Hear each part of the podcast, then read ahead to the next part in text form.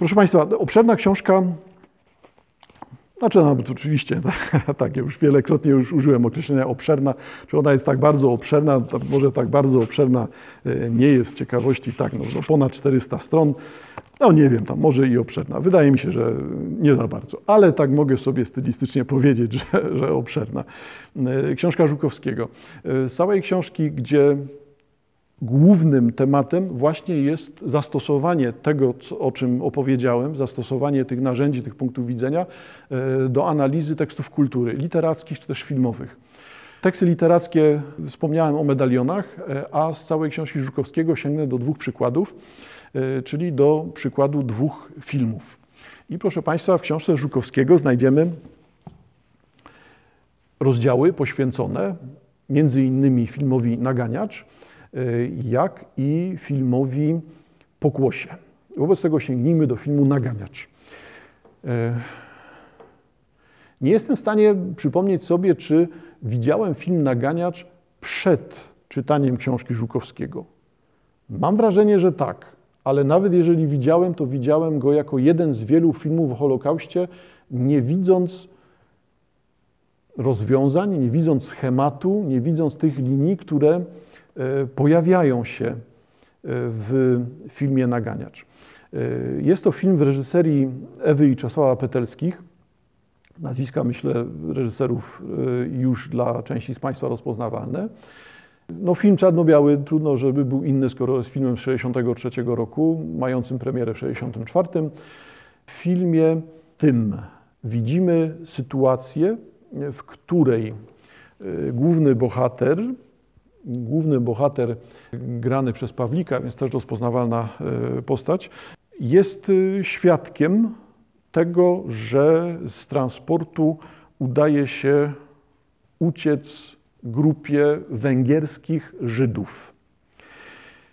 Konsekwentnie w filmie ta grupa węgierskich Żydów ma wypowiedzi w języku węgierskim, które w filmie nie są tłumaczone. Czyli rozumiem, że dla Państwa, jeżeli pomyślimy w ten sposób schematyczny, czy taki, który znamy z innych filmów, no ciąg dalszy będzie dość jasny. Dość jasny tak? Pomaga, czy raczej usiłuje pomóc główny bohater tej grupie Żydów. Okazuje się, że nie jest w stanie pomóc wszystkim. Pomaga jednej dziewczynie z y, tej węgierskiej Żydówce, którą ukrywał u siebie. Ostatecznie w wiosce, bo w takich realiach jesteśmy, małe miejscowości, wioski w Polsce. Celowo tego jeszcze tak nie umieszczam. I dlatego, gdy w tej wiosce pojawiają się naziści, naziści albo powiedzmy Niemcy, lepiej tak, bo będzie bardziej ogólna nazwa ze względu na to, że w tej grupie mamy i Niemców, i umundurowanych nazistów, e, Niemców oczywiście. E, wobec tego konsekwentnie Niemcy, pojawiają się Niemcy, którzy planują przeprowadzenie polowania. Wobec tego do przeprowadzenia polowania wymagana jest nagonka. Jeżeli ktoś tego filmu jeszcze nie widział, no to prosiłbym o to, żeby raczej może w tym miejscu przerwać, zobaczyć film i wrócić, e, bo niestety będę musiał ujawniać, ujawniać jaki jest przebieg, jaki jest finał, no i potem przyjemność jednak z własnych odkryć jest już e, zdecydowanie mniejsza. Także zachęcam, żeby zobaczyć i wrócić, ale jeżeli ktoś ten film sobie już przypomina, to wędrujmy dalej. E, węgierska Żydówka ukrywa się w mieszkaniu E, głównego bohatera, a Żydzi ukrywają się w stogach siana, zagrzebują się w stogach siana. Tych, tym ludziom zdecydowanie z miasta przypominam, że stóg siana to nie jest taka kubka pół metra wysokości, tylko jest to bardzo duży stóg siana i jeżeli w tym wygrzebiemy sobie miejsca, korytarze, pomieszczenia, to spokojnie, komfortowo, nawet w czasie bardzo dużych mrozów możemy tam przebywać. E, to jest kilkowe, kilkumetrowej grubości ściana zrobiona z tego siana, która będzie nas skutecznie izolować. Także miejsce do ukrywania się, do przeżycia mrozów, a akcja rozgrywa się w zimie e, i jest jak najbardziej udane. E, Niemcy planują polowanie. Do polowania potrzebna jest nagonka, czyli zbierają pod przymusem, Tu się lekko zawaham, nie jest to takie jednoznaczne. E, pod przymusem zbierają mieszkańców tej wsi i każą tym mieszkańcom uczestniczyć w nagonce. Każą naganiać tą zwierzynę, do której będą strzelali myśliwi. W nagonce uczestniczy również nasz główny bohater. Nagonka przemierza las, przemierza pole, płoszone są zwierzęta, zwierzęta, do których strzelają Niemcy. Nagonka, no cóż, przypadkowo możemy tak powiedzieć, e, również porusza się po tym obszarze, na którym znajdują się e, stogi siana z tą grupą węgierskich Żydów. E, niestety, słysząc strzały, krzyki, część z tych węgierskich Żydów nie wytrzymuje, wychodzi z tych stogów siana, wobec tego dekonspiruje się cała ta grupa, zaczyna się chaotyczna ucieczka Żydów z tych stogów. E, Niemcy nie przerywają polowania i zaczynają strzelać tak jak do zwierząt wcześniej, przenoszą ogień na uciekających Żydów i mordują tych uciekających Żydów. Uczestniczy w nagonce nasz tytułowy naganiacz. Naganiacz wraca do swojego mieszkania.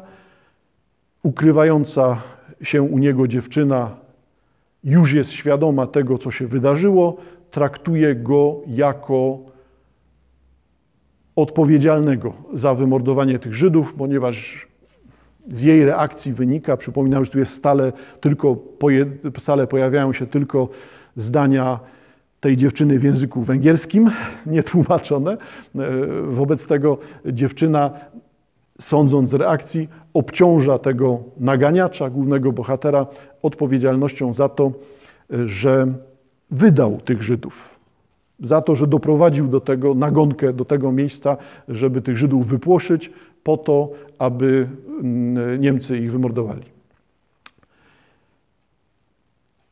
Wobec tego, czy to jest rzeczywiście jeden z wielu filmów o Holokauście? Gdyby kończyło się to w tym miejscu, no to mielibyśmy no, krzywdzący, bo on w końcu ratuje tych Żydów, czy stara się ratować, tylko nie, niewiele z tego wychodzi, no ale stara się ratować Żydów. Wobec tego mielibyśmy e, krzywdzący krzywdzącą ocenę e, głównego bohatera, e, który stara się ratować, ratuje, ratuje tą dziewczynę, ale spotyka go za to ta czarna niewdzięczność, bo wychodzi na to, że to wszystko jego wina, zostaje sprowadzony do roli mordercy. Y, kłopotem w tym filmie, kłopotem, wyzwaniem dla widza jest ostatnia scena. Ostatnia scena, w której widać wkraczającą na te tereny armię sowiecką. I teraz pada pytanie o to, y, pojawia się taka scenka, tak, tam rodzajowa, tak ją nazwijmy. Y, żołnierze pytają y, o to, jak nazywa się najbliższa miejscowość, do której prowadzi ta droga. I tutaj odpowiedź może umknąć widzowi, a tymczasem w tym miejscu widzimy klucz, widzimy ten system właśnie symboliczny, system kulturowy, który usiłuje nam coś powiedzieć, usiłuje zwrócić uwagę na coś, ale robi to w taki sposób, że możemy tego nie widzieć, że możemy tego nie zauważyć. Otóż w ostatnim słowie pada nazwa miejscowości. Jesteśmy w północnej Polsce. E, nazwa tej miejscowości, najbliższa miejscowość to Węgrów. E, wobec tego, jeżeli popatrzymy na to z tego punktu widzenia, i tutaj ja zmierzam, no streszczenie jak streszczenie, e, wybaczcie Państwo, jednak opowiadałem tylko o, o szczegółach, o, tylko o częściach tego filmu, układając je w pewien sposób, zachęcam do tego, żeby samemu zobaczyć. Wobec tego, jeżeli tak na to popatrzymy, to okazuje się, że o jakich węgierskich Żydach tutaj była mowa, jeżeli wskazaniem w tym filmie było to, że ci Żydzi mówiący po węgiersku są z Węgrowa. No to nie są Żydzi węgierscy i oni nie mówią po węgiersku. Dobra, de facto w filmie mówią po węgiersku, tak, ale ten ciąg kulturowy, ten ciąg znaczeń, który tutaj widzimy, wskazuje na to, że nie liczy się to, że oni są Żydami, nie liczy się, że są z Węgier, ponieważ oni są nami, oni są jednymi z naszej społeczności. I ten film, Naganiacz, dotyczy nie tyle Holokaustu, nie tyle okrucieństwa nazistów czy mordowania Żydów, czyli Holokaustu, e, tylko dotyczy relacji międzyludzkich, dotyczy niezrozumienia, obcości, inności. I tutaj właśnie podążam w ślad za Żukowskim, który poświęca temu jeden z rozdziałów, warto rzeczywiście przeczytać, śledząc to krok po kroku. Na czym ta, dlaczego ta opowieść nie jest opowieścią dotyczącym, dotyczącą epizodu Holokaustu czy epizodu II wojny światowej, tylko jest opowieścią, która określa relacje między człowiekiem a człowiekiem które określa mnie jako człowieka w relacji do obcego mi człowieka. Tutaj ta obcość została w filmie Petelskich celowo spiętrzona. Na dodatek jeszcze film Petelskich, chociaż nie ujawniono tego w napisach, jest e, scenariusz tego filmu e, jest wykonywany na podstawie własnego opowiadania przez Romana Bratnego. Wobec tego tutaj mamy też korzenie literackie w tym filmie, to już naprawdę zainteresowanym e, polecam opowiadanie Naganiacz Romana Bratnego.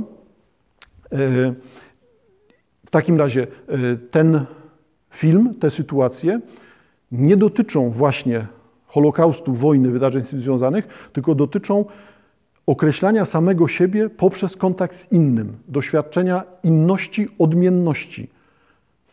Dotyczą tego, czym jest zakłócenie, czym jest bariera, ściana, czym jest to, co sprawia, że nie można dogadać się z innym człowiekiem. I teraz ja nie mówię w sensie narzekania o tym, tylko zwracam uwagę, że to są podstawowe rzeczy, które nas wewnętrznie budują. Jak reaguje na inność, jak reaguje na odmienność, w jaki sposób moja reakcja jest demonstracją wnętrza i w jaki sposób moja reakcja jest tworzeniem mnie, tworzeniem mojego wnętrza. Hmm? E, to, że ci Żydzi, niby węgierscy, tak naprawdę byli Żydami z miejscowości obok tej wioski, czyli Żydami z Węgrowa, to podkreśla, że tej bariery, która wydaje się w filmie istnieje, nie ma. To nie są Żydzi z Węgier, którzy znają tylko jidysz bądź hebrajski i węgierski.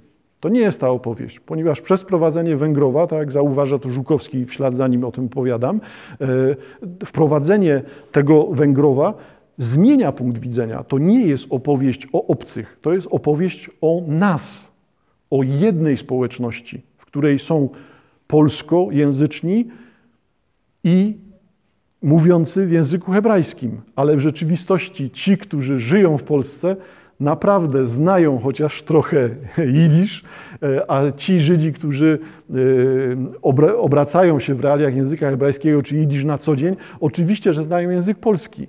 Możemy mówić o różnym stopniu znajomości tego języka, ale to są społeczności, które istnieją z sobą drzwi w drzwi, tak? To, to nie jest różnica kilometrów, tylko to jest raz Polak, raz Żyd. No, jesteśmy w takiej właśnie społeczności, także wszystko to jest znane i rozpoznane.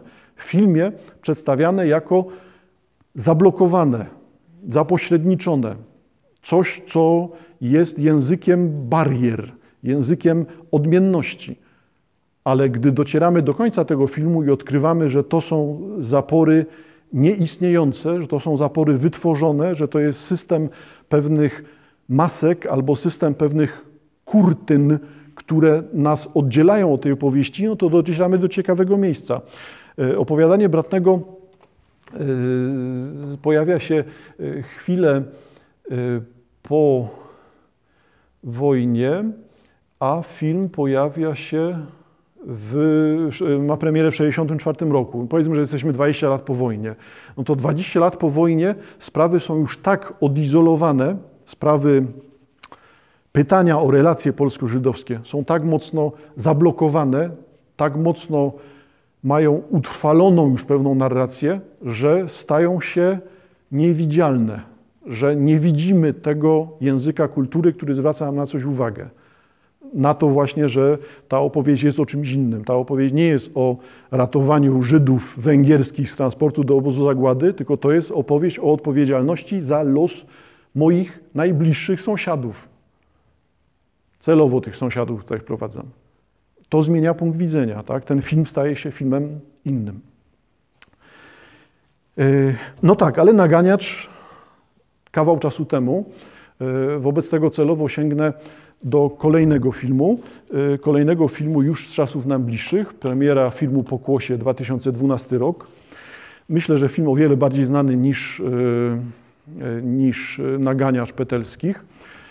Tutaj, proszę Państwa, w Pokłosiu mamy opowieść o, no powiedzmy tak, o rodzinie. Mamy dwóch braci, braci Kalina. Jeden z nich zostaje no, ściągnięty, niech będzie tak, e, zostaje ściągnięty do wsi, w której pozostawił swojego młodszego e, brata, tego granego przez Sztura. E, I młodszy Kalina ma problem z życiem we wsi, wszyscy o nim opowiadają, wszyscy go wytykają, robi coś odmiennego, robi coś dziwnego. Zauważcie Państwo, że tutaj znowu ta odmienność jest na pierwszym planie. Tak? Jesteś inny, myślisz inaczej, zachowujesz się inaczej, jesteś kimś odrzucanym, wykluczanym. Jako znowu już na samym początku widzimy tą specyfikę czegoś, co jest współczesną polskością, właśnie tego odrzucania odmienności, tak? tego. Yy, tego koniecznego bycia razem, tej twierdzy tożsamości, za którą musimy oddać życie. Jakoś staram się nazwać to, co się dzieje w głowach ludzi dzisiaj. W filmie e, Pokłosie widzimy e, młodego Kalinę, który e, zaczyna się przejmować macewami żydowskimi, zaczyna wyciągać je z dróg, gdzie te macewy utwardzały powierzchnię, próbuje wydobyć je z e, e, bruku e, przed studnią, przed kościołem. To wszystko spotyka się z walką całej społeczności. Po co, na co, dlaczego nie można tego robić.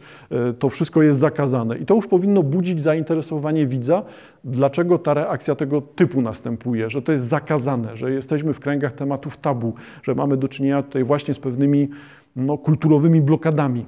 Dlaczego reakcją na poruszanie pewnych tematów będzie nienawiść? Nie obojętność albo nieciekawość, tylko agresja, nienawiść. I to chyba jest też jednym z głównych tematów filmu Pokłosie. Jedyne miejsce, gdzie młody Kalina może zbierać e, macewy, to jego prywatny prywatne pole. E, tutaj na ciekawą rzecz zwraca Żukowski uwagę. Znowu obszerny materiał, czy obszerny rozdział jego książki poświęcony e, pokłosiu szczególnie w warstwie ilustracyjnej pokłosia. Jeden przykład tylko Państwu podam.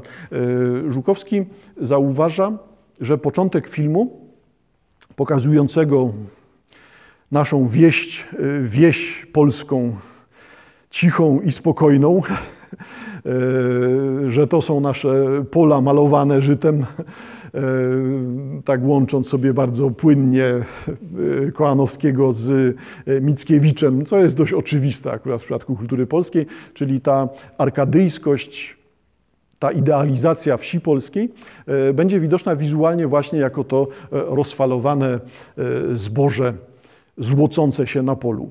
Y, niepokoi ingerencja, czyli wśród tego zboża pojawiają się stawiane macewy, które młody Kalina stara się w ten sposób chronić, stara się coś zrobić, do czego jest zmuszony, tylko jeszcze nie wie, co się stało, nie wie, co go zmusiło do tego.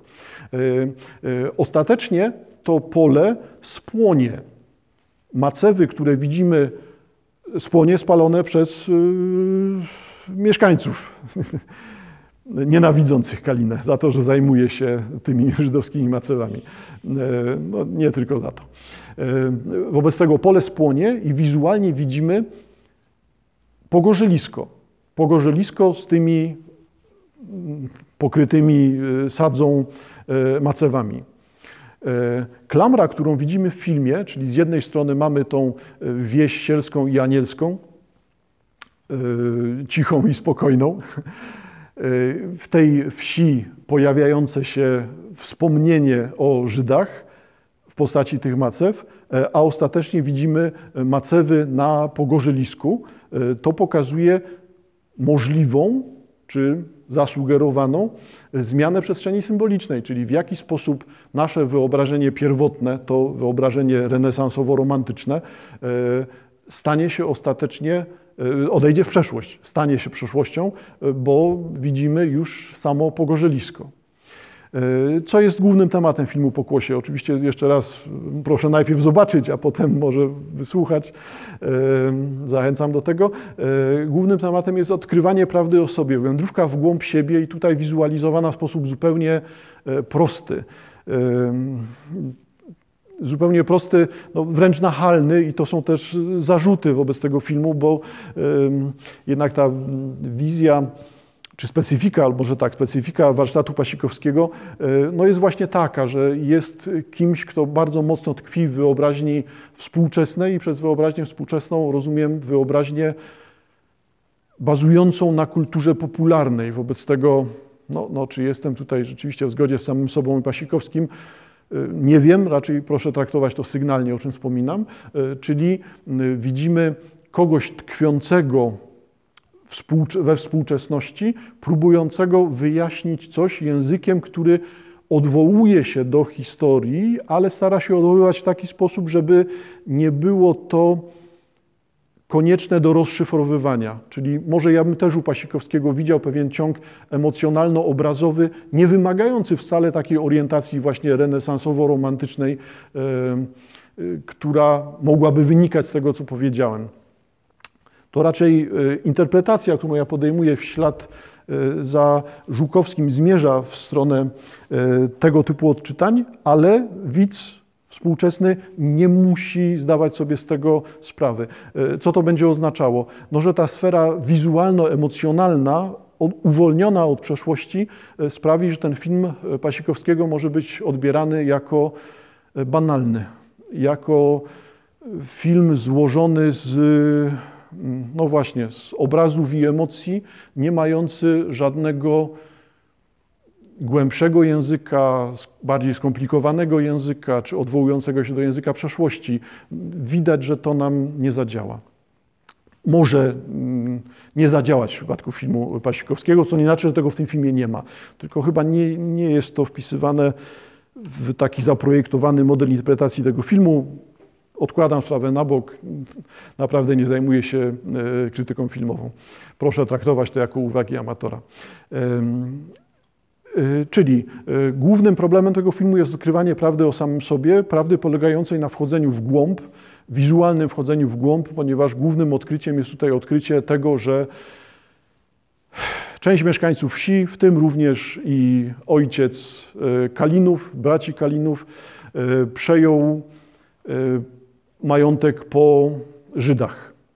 No i teraz, żeby było jeszcze gorzej, to wcale nie przejął majątku po Żydach, tylko ludzie w tej wsi wymordowali Żydów, zakopali zwłoki i tak spreparowali dokumenty, oczywiście nie sami, e, aby własność żydowska była w, e, zapisana na ich nazwiskach. Czyli bracia Kalinowie odkrywają, że żyją na kradzionym majątku, żyją dzięki temu kradzionemu majątkowi. Ponieważ ta świadomość tego jest powszechna i ta świadomość jest jednocześnie wyparta w tej miejscowości, to jakiekolwiek poruszanie czegoś z tym związanego będzie wywoływało ataki agresji. No więc jak się Państwo domyślacie, film kończy się finałowym atakiem agresji, czyli młody Kalina zostaje ukrzyżowany na drzwiach własnej stodoły, przy czym no właśnie zaczyna się problem, ale co z tą własną stodołą? Czy ona rzeczywiście taka e, własna? E, no to ukrzyżowanie ewidentnie jeszcze raz jest takie Polska Chrystusem Narodów, tylko taka na opak. To jest uwaga trochę odwrotna, tak? Ani krzyż, ani Polska, e, ani, ani ten Chrystus taki, nie? bo to świętość Kaliny młodego jest no, bardzo umowna, jeżeli w ogóle występuje coś takiego. Y, stąd, proszę Państwa, pokłosie, tak? Pokłosie, czyli sięgnijmy do prostej sprawy.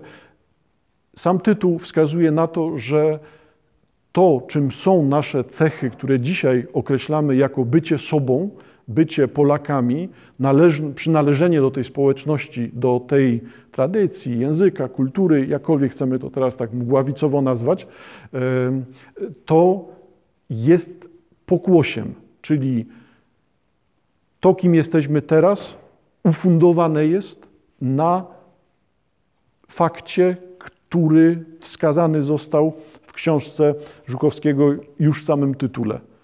Czyli jak zapomnieliśmy, że Polacy zabijali Żydów. To, kim jesteśmy teraz, wynika z tego, czym jest odpowiedzialność za odpowiedzialność Polaków e, za zabijanie Żydów. Przykłady, proszę Państwa, rzeczywiście są materiałem historycznym. Proszę, wymagają materiału historycznego. Proszę sięgnąć, bo tych publikacji jest bardzo dużo. Część bibliografii znajduje się w książce Żukowskiego. Mnie bardziej interesują właśnie te oddziaływania kulturowe. Wobec tego, proszę Państwa, naj, najistotniejszą rzeczą, czy najciekawszą rzeczą dla mnie jest ten rodzaj diagnozy współczesności, e, z którym zetkniemy się, zetkniemy się, który uzyskamy, który możemy wywnioskować e, z książki Żukowskiego Wielki Retusz, czyli czym jest bycie Polakiem współcześnie. Przy czym podkreślam, nie mówię o sobie, tylko staram się rzeczywiście nazwać to, co mnie otacza, nazwać przyczyny reakcji ludzi, nazwać to, dlaczego Polacy są tacy, a nie inni, kim są współcześnie. Czyli proszę Państwa, zauważcie, co określa Polaków. Przyjmijmy taką możliwość, taką interpretację, taką definicję, co może określać Polaków, i ja to przekazuję teraz jako wnioski y, z całej książki Żukowskiego Wielki Retusz. Co czyni Polaka współcześnie? Niechęć do obcych. Polaka określa niechęć do obcych. Ten obcy może być obcym z rzeki, ten obcy może być obcym z innej części Polski i ten obcy może być obcokrajowcem. A nie daj Boże, jak zmienimy mu religię, język, kolor skóry, no język to jest rzeczywiste, e, kolor skóry, wtedy okaże się, że on jest obcym do kwadratu, do sześcianu. A nas definiuje to, że przede wszystkim nie lubimy obcych. Tylko zauważcie Państwo, co z tego wynika. Czyli nie lubimy innych, czyli nie lubimy siebie. Bo dalszym wnioskiem jest właśnie to, że niechęć do obcych jest nienawiścią wobec samego siebie. E, no to nazwałem już dalej, tak? Czyli niechęć do obcych widzimy. E, rasizm, ksenofobia, czyli to, co padło wcześniej. Czy to rasa, czy strach przed obcymi, jak chcemy, ale dalej będą występowały jako cechy współczesności. Rasizm, ksenofobia.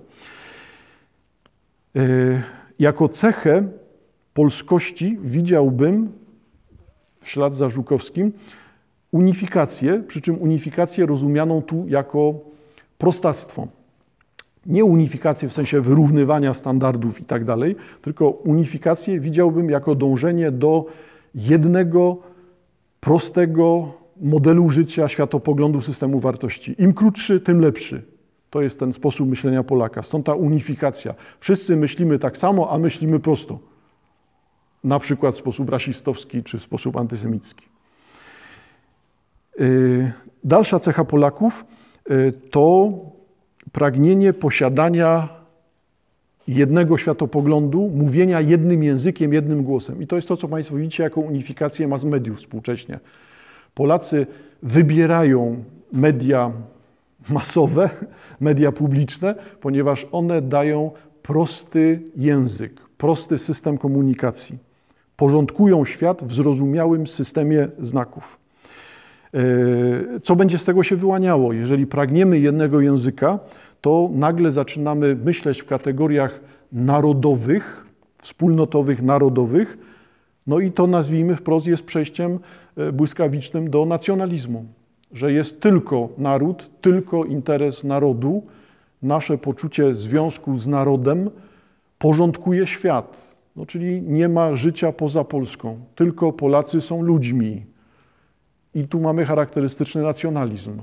Jeżeli nie maszerujesz z nami, jesteś wrogiem. Wszyscy wrogowie są tacy sami.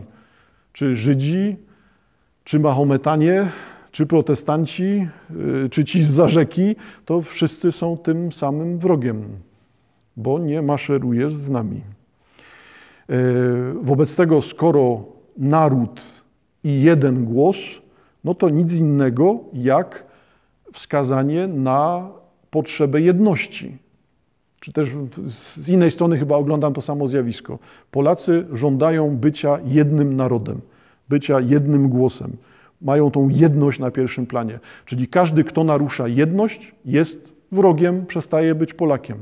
Każdy, kto nie mówi tym językiem, każdy, kto znajduje się poza y, systemem przyjętym wypowiedzi, jest kimś złym. Wobec tego padło wcześniej też, y, to już nie, że mamy niechęć do obcych, tylko naszym wrogiem są obcy. To nie jest niechęć. Tylko dalszym punktem będzie, następnym stopniem y, będzie to, że Polacy traktują każdego obcego jako grożącego, czyli wymagającego od nas aktywnego przeciwstawienia się. To nie jest niechęć do obcych. To już jest następny krok. To jest nienawiść do obcych. Każdy obcy jest kimś, kto może mnie zniszczyć, może mnie czegoś pozbawić, może mi coś ukraść, zabrać, może mnie zabić. No wobec tego każdy jest zagrożeniem. Na podstawie tego, co do tej pory wyliczyłem, czyli e, niechęci do obcych, e, unifikacji, tej jednogłosowości, czy też nacjonalizmu, jeżeli chcemy, widzenia wroga w każdym człowieku z zewnątrz, w każdej osobie z zewnątrz, to w takim razie zauważcie Państwo, że definiowane zło przez współczesnych Polaków jest złem tylko poza Polską. Wszystko, co polskie, jest dobre. Wszystko, co poza Polską, jest złe, bo nie jest polskie. Wobec tego zło istnieje tylko zewnętrznie. Wobec tego to, że ja y, teraz mówię o książce Żukowskiego Wielki Retusz, jak zapomnieliśmy, że Polacy zabijali Żydów, oznacza to, że wykluczam się z tej społeczności, czyli oznaczam to, oznacza to, że jestem na zewnątrz, więc nie jestem Polakiem. No bo tutaj działa logika. Wszystko, co zewnętrzne jest złe, zło jest tylko zewnętrzne.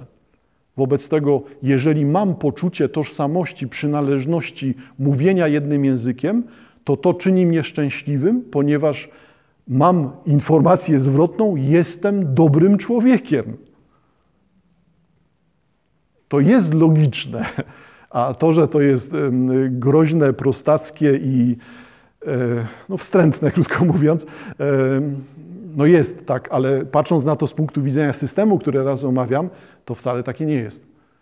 Poczucie przynależności, tożsamości, spełnienia szczęścia przez zastosowanie tych kilku zasad prostackich, ale tych kilku zasad no, daje to, o co chodzi większością ludzi. No, żyć spokojnie i szczęśliwie, najlepiej zdrowo i długo. No to, no to to mają tylko tyle, że, że co mają? Coś, co narusza no, no, podstawowe zasady bycia człowiekiem, tak? podstawę bycia człowiekiem, no, narusza wartości humanistyczne, ale proszę Państwa, jakby to powtarzanie oczywistości, nie chcę tego robić. Wobec tego, jeżeli zło jest tylko zewnętrzne, dla współczesnego Polaka, to dla współczesnego Polaka aktywnością jest sensem życia, sensem podejmowania aktywności jest zwalczanie zła zewnętrznego. Wobec tego zadaniem współczesnego Polaka jest aktywnie walczyć ze złem, które jest poza Polską. Czyli wszyscy źli, całe zło, wszyscy wrogowie znajdują się na zewnątrz, poza Polską. To oznacza, że częścią życia, sensem życia, treścią życia, może być też tak, jest agresja wobec zła. Tylko tyle, że to jest agresja wobec wszystkiego, co jest poza Polską. Też i wewnątrz Polski znajdują się te słabe, złe elementy, które należy zwalczyć, żeby Polska była jeszcze bardziej Polską. Wobec tego agresja jest tutaj i na zewnątrz, i wewnątrz przeciwko tym, którzy nie idą z nami w jednym szeregu, czy nie idą z nami w jednym pochodzie.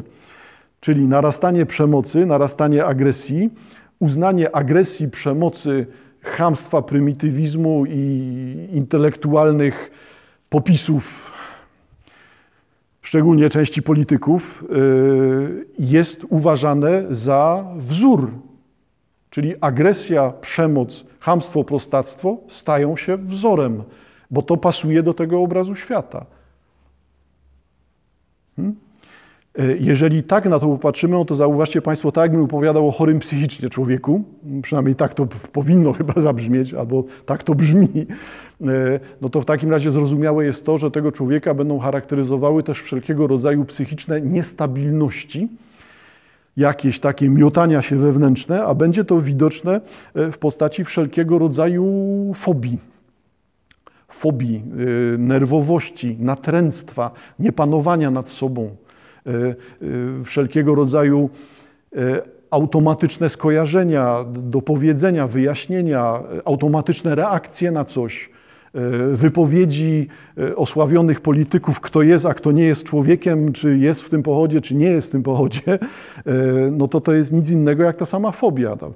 Fobia na temat dotycząca czy tęczy, czy dotycząca błyskawicy, to są naprawdę fobie, tak? To, to nie są stany zdrowe, tylko to są stany no, psychicznej niestabilności. Tylko tyle, że wynikają one z tego, co wyliczyłem wcześniej, no właśnie z takiego obrazu wnętrza. Są jego produktem albo są jego przejawem takiego obrazu wnętrza. Yy, I wreszcie, co jest współczesną opowieścią i dlatego ją Państwo też widzicie. Współczesną opowieścią o innych i tutaj mam na myśli już innych, czyli Żydów. Y, Żydzi współcześnie w kulturze polskiej są potrzebni. Tylko są potrzebni, i tutaj już w ślad za Żurkowskim, jak i większość tych uwag w ostatnich minutach, E, zrobionych przeze mnie, e, więc ślad za Żukowskim mówiąc, e, inni potrzebni są jako afirmacja Polski, czyli do czego potrzebni nam Żydzi dzisiaj? Po to, żeby utwierdzać, że Polacy są silni, spójni, prawdziwi, dobrzy, przeciwstawiają się złu, żyją coraz lepiej, i są wzorem dla całego świata, bo wiadomo, że cały świat jest zły, no, niepotrzebna złośliwość może, czyli są wzorem dla całego świata. Wobec tego Żydzi są w naszej odpowiedzi potrzebni, tak, wtedy, kiedy potwierdzają nasze dobre zdanie o sobie. Czyli w tej przyjętej narracji, użyję jednak tego sformułowania, Żydzi pojawiają się, pojawiają się jako element umacniania przekonania Polaków o tym, że są dobrzy. Opowieści o Żydach mogą być tylko opowieściami o tym, jak dobrzy Polacy ratują biednych Żydów. Nie może być żadnej innej relacji. No może jednak wypada to powiedzieć, nie? tak jak wspominałem wcześniej. Y, nie ma różnicy pomiędzy Żydem, Polakiem a Niemcem. Jest różnica pomiędzy byciem porządnym człowiekiem albo złym człowiekiem. To jest ta różnica no to e, może podobnie trzeba powiedzieć tutaj. Jeżeli tak patrzymy na opowieść o Żydach, e, no to dalej utwierdzamy tylko samych siebie w, w tej zakłamanej wersji. Umacniamy swoje przekonanie o byciu dobrym człowiekiem, ponieważ potrzebujemy tego biednego Żyda a nie rozumiemy, że poza opowieścią o biednych Żydach, którym szlachetni Polacy pomagali, musi być też opowieść o Żydach, których Polaków, którzy e, zostali zabijani, czy zabici przez Polaków. I będzie też tutaj znajdowało się w tej opowieści miejsce na e, Żydów, którzy przeciwstawiali się komunizmowi i miejsce na Żydów, którzy stawali po stronie komunizmu. Będzie miejsce dla opowieści żydowskiej jako opowieści o religii i jej wpływie na świat i będzie opowieść o Żydach jako ateistach, którzy nie są związani z tym, z tą opowieścią religijną. Bo jeżeli popatrzymy właśnie na to w ten sposób, jak teraz zaproponowałem, czyli Żydzi będą pokazywali dobre i złe strony, zarówno religii, jak braku religii, bycia humanistą, jak i bycia, nie wiem, totalitarystą, tak, czy, e, czy e, nacjonalistą, e, no to należą oni po prostu do opowieści o byciu człowiekiem, a nie mogą być używani A tymczasem to, co widzimy współcześnie, to jest właśnie używanie. Do czego Żydzi są potrzebni? Do tego, żeby Polacy mogli pokazać swoją wyższość, bo myśmy ratowali Żydów. Tylko tyle, że nawet w tej opowieści o ratowaniu Żydów, jak już Państwo wiecie, wspominałem o tym w czasie poprzednich spotkań, też coś nie gra. Coś bardzo mało efektywnie ratowaliśmy tych Żydów. E, No ale przypominam jeszcze raz, e, oczywiście, że to, co przed chwilą powiedziałem, jest e, zbiorem wskazań czy zbiorem wniosków o charakterze pesymistycznym. Zgoda, to ma charakter pesymistyczny. No, no tylko książka, która nosi tytuł Wielki retusz, jak, zapomnie, jak zapomnieliśmy, że Polacy zabijali Żydów, e, no to nie jest książka o e, zbiorze e, przykładów bycia dobrym Polakiem. No to jakby to nie jest ta opowieść. Stąd, proszę Państwa, w tych ostatnich spotkaniach rzeczywiście ta duża doza goryczy i dużo pesymizmu, ale proszę traktować to jako dobry punkt wyjścia. No, proponowana przeze mnie ta lista cech powstała na marginesie e, książki Żukowskiego, e, na marginesie, czy wynikająca z wniosków z tej książki, e, przedstawiająca naszą ksenofobię, rasizm, unifikację, nacjonalizm, czy też to przekonanie o byciu świętymi i tak dalej, i tak to jest bardzo dobry punkt wyjścia. Tylko trzeba się w tej opowieści obudzić tak, z tej opowieści wyrwać, o może lepiej tak. Trzeba się przekonać do tego, żeby, y, że maszerowanie i śpiewanie jednej pieśni, kto ma gdzie wisieć, y, albo y, wygrażanie pięścią, której zaciśnięty jest, różaniec, jest naprawdę miejscem, od którego można dużo dobrych rzeczy rozpocząć. Tylko tyle, że trzeba z tego pochodu wyjść. Trzeba stanąć obok. Ja bardzo mocno jestem przekonany o tym, że e, Polacy e, mają jednak jeszcze jedną cechę. To cechą, tą cechą jest całkowita nieumiejętność podporządkowania się odgórnym nakazom. Wobec tego nasz skrajny indywidualizm jest również cechą nas charakteryzującą. Nawet jeżeli ulegamy pochodom, marszom i chcemy tej unifikacji nacjonalistyczno-antysemickiej, e, to trzeba popatrzeć na to jak najszybciej z boku i z tych szeregów wyjść. Znaleźć swoje miejsce, swój język. Świat stanie się o wiele bardziej kolorowy, o wiele bardziej ciekawy, ale stanie się też o wiele bardziej przystępny i czytelny. Dziękuję bardzo. Do usłyszenia.